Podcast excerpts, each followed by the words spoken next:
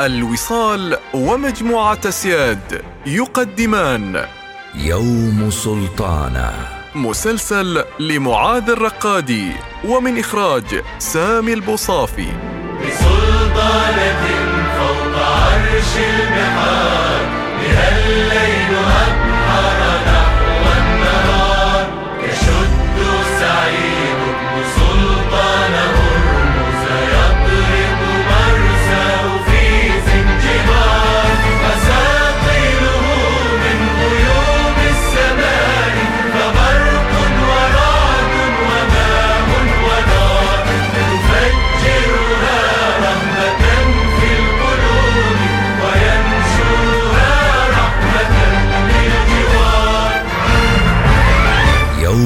يوم سلطانه الحلقة السادسة.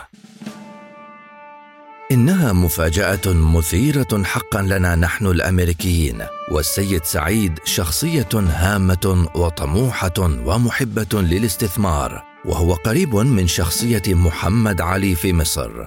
صحيفة الهيرالد الصباحية مايو عام 1840 متاجر الأزياء بنوك تجارية فنادق واستراحات كلها أشكال حية لمظاهر التقدم والترف في هذه المدينة والتي يهاجر إليها الناس من داخل البلاد وخارجها بحثا عن فرص حقيقية للاستثمار وبناء رؤوس الأموال.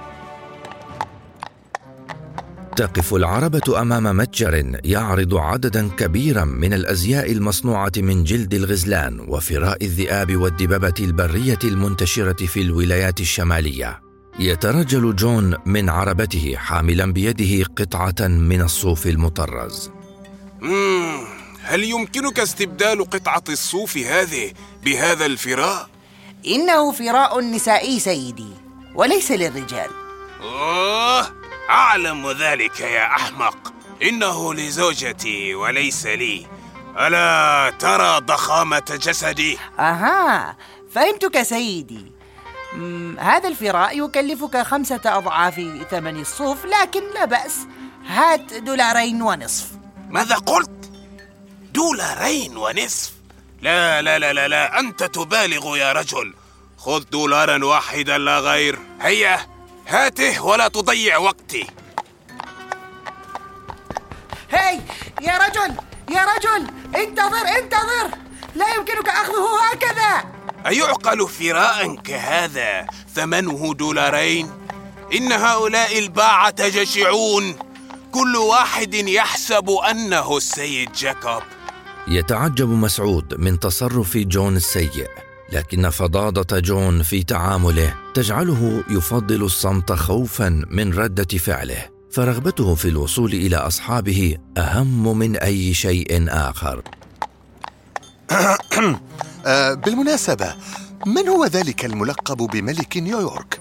فقد لاحظت تكرار هذا الاسم في كثير من المتاجر والأبنية التي مررنا عليها طول الطريق من لا يعرف ملك نيويورك؟ آها تقصد أنه حاكم المدينة صحيح؟ إنه جاكوب ألا تعرفه؟ إنه أثرى رجل في البلاد هي من لا يعرف جون جايكوب أستور الذي صمم منذ قدومه من أوروبا إلى تحقيق حلمه نحو الثراء. ومنذ بدايات أوائل القرن التاسع عشر سيطر على تجارة الفراء في البلاد.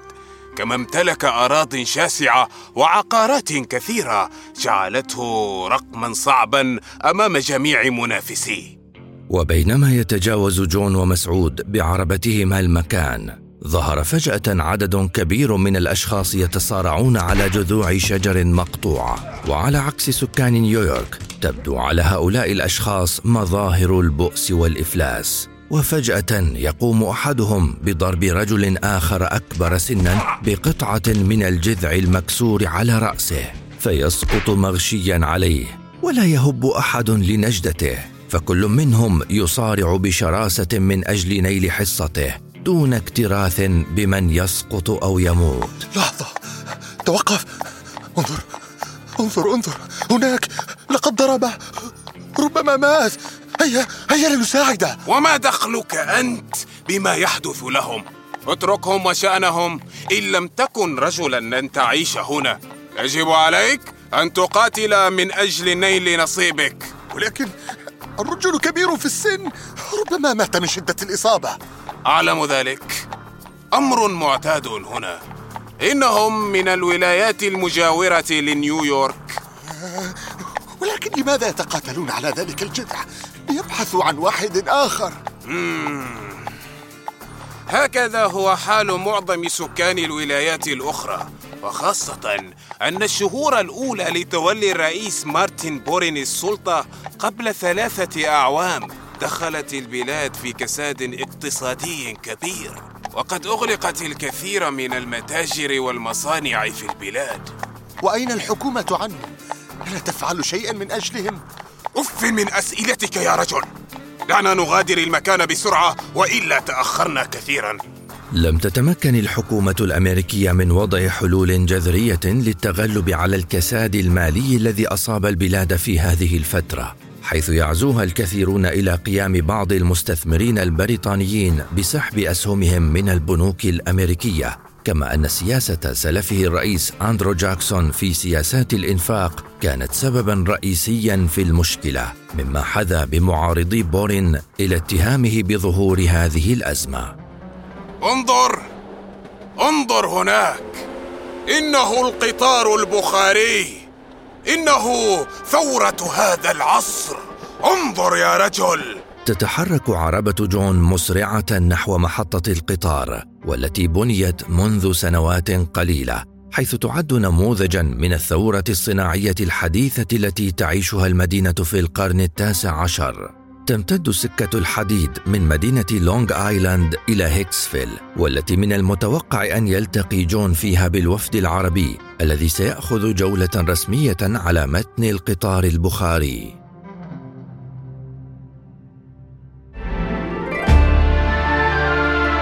المسلسل الإذاعي يوم سلطانة تأليف معاذ الرقادي بطولة عبد الحكيم الصالحي أحمد الكلباني سرور الخليلي تاج البلوشي خليل البلوشي الهندسة الصوتية محمد المنجي موسيقى المقدمة ألحان السيد خالد بن حمد البوسعيدي إخراج سامي البوصافي.